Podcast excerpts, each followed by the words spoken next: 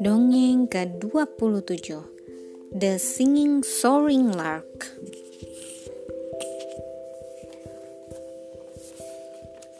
Once there was a man who was about to set out on a long journey. While saying goodbye to his three daughters, he asked what gifts they would like him to bring them. The eldest wished for pearls, the second wished for diamond but the third said, Dear father, I should like a singing, soaring lark. He kissed all three and set out. However, when the time came for him to return, he was very sad. He had brought pearls and diamonds, but he had not been able to find a singing, soaring lark. The man was riding through a forest on his way home when he suddenly noticed a singing, soaring lark on a tree top. Delighted, he went to try and catch it, but a lion leaped out and roared, I will eat whoever tries to steal my singing, soaring lark. Forgive me, begged the trembling man.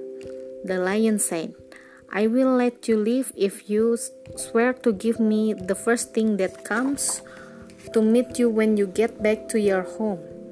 If you promise me that, I will give you my lark into the bargain. The man was very frightened, but he had no choice. He promised the lion what he wanted. When the man reached home, he was horrified to see his youngest daughter running up to him. She threw her arms around him, and when she saw that he had a singing, soaring lark, she was beside herself with joy. The father, however, began to weep and explain his terrible promise. Fortunately, his daughter was very brave and well as beautiful, and the next morning she headed down the road to the lion's castle. Little did the girl know that the lion was not really a lion at all. He was an enchanted prince. He was only a lion by day. At night, he changed back to his human form. When the girl arrived, the lion welcomed her gently and warmly, making her most fond of him. And at night, when the lion turned into a handsome prince, she fell in love with him. They were soon married, have ha- happily together, staying awake at night and sleeping during the daytime. Only thing the girl still found strange was that there were no candles in the castle.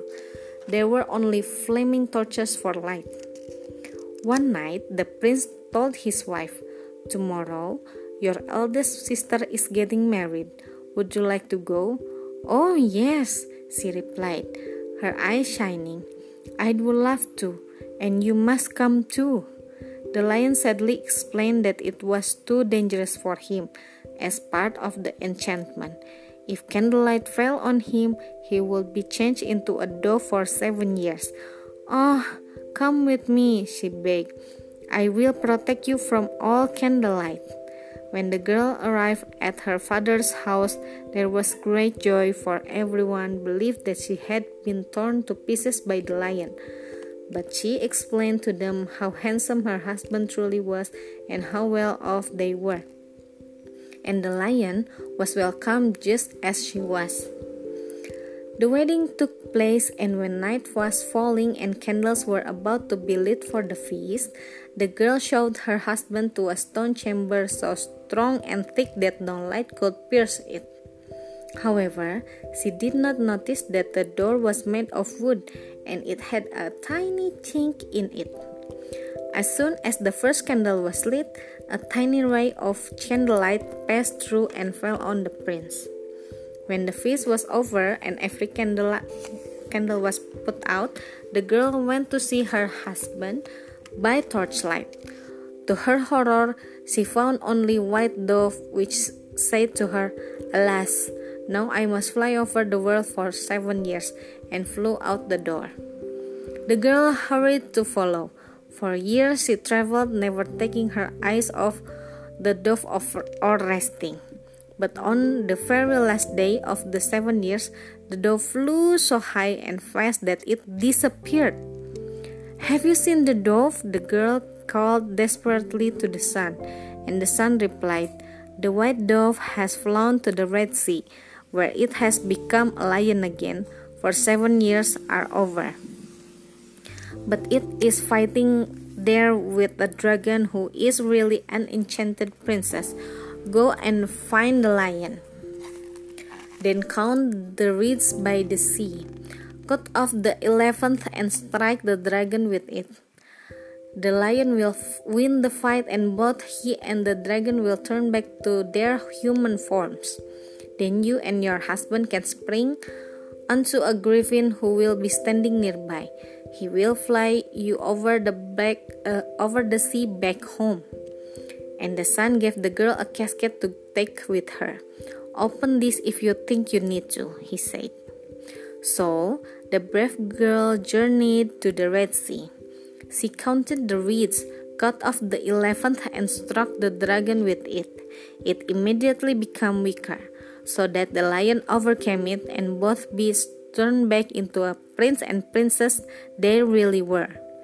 But before the girl could, could learn to her husband and hug him, the wicked princess sprang into the griffin bag, seized the prince's arm, and flew off with him. Broken-hearted, the girl traveled for many more months down long, hard roads until the last, until at last she came to the castle where the wicked princess lived. Then she opened the casket that the sun had given her and discovered within it a dress that sparkled and glittered like sunbeams.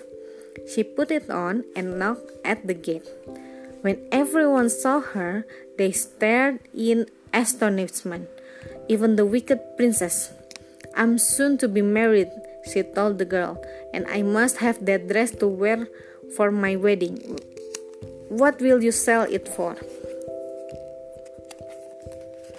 Then the girl answered boldly, Not for money. I will only sell it for a night in the room where your husband to be sleeps.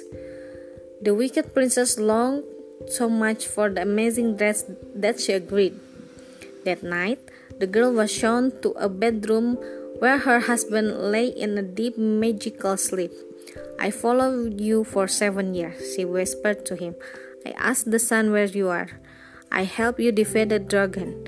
Please wake up and tell me you haven't forgotten me. The sound of his wife's voice broke into his enchanted dreams, and the prince woke up. Now I am really released, he cried with joy, hugging and kissing her.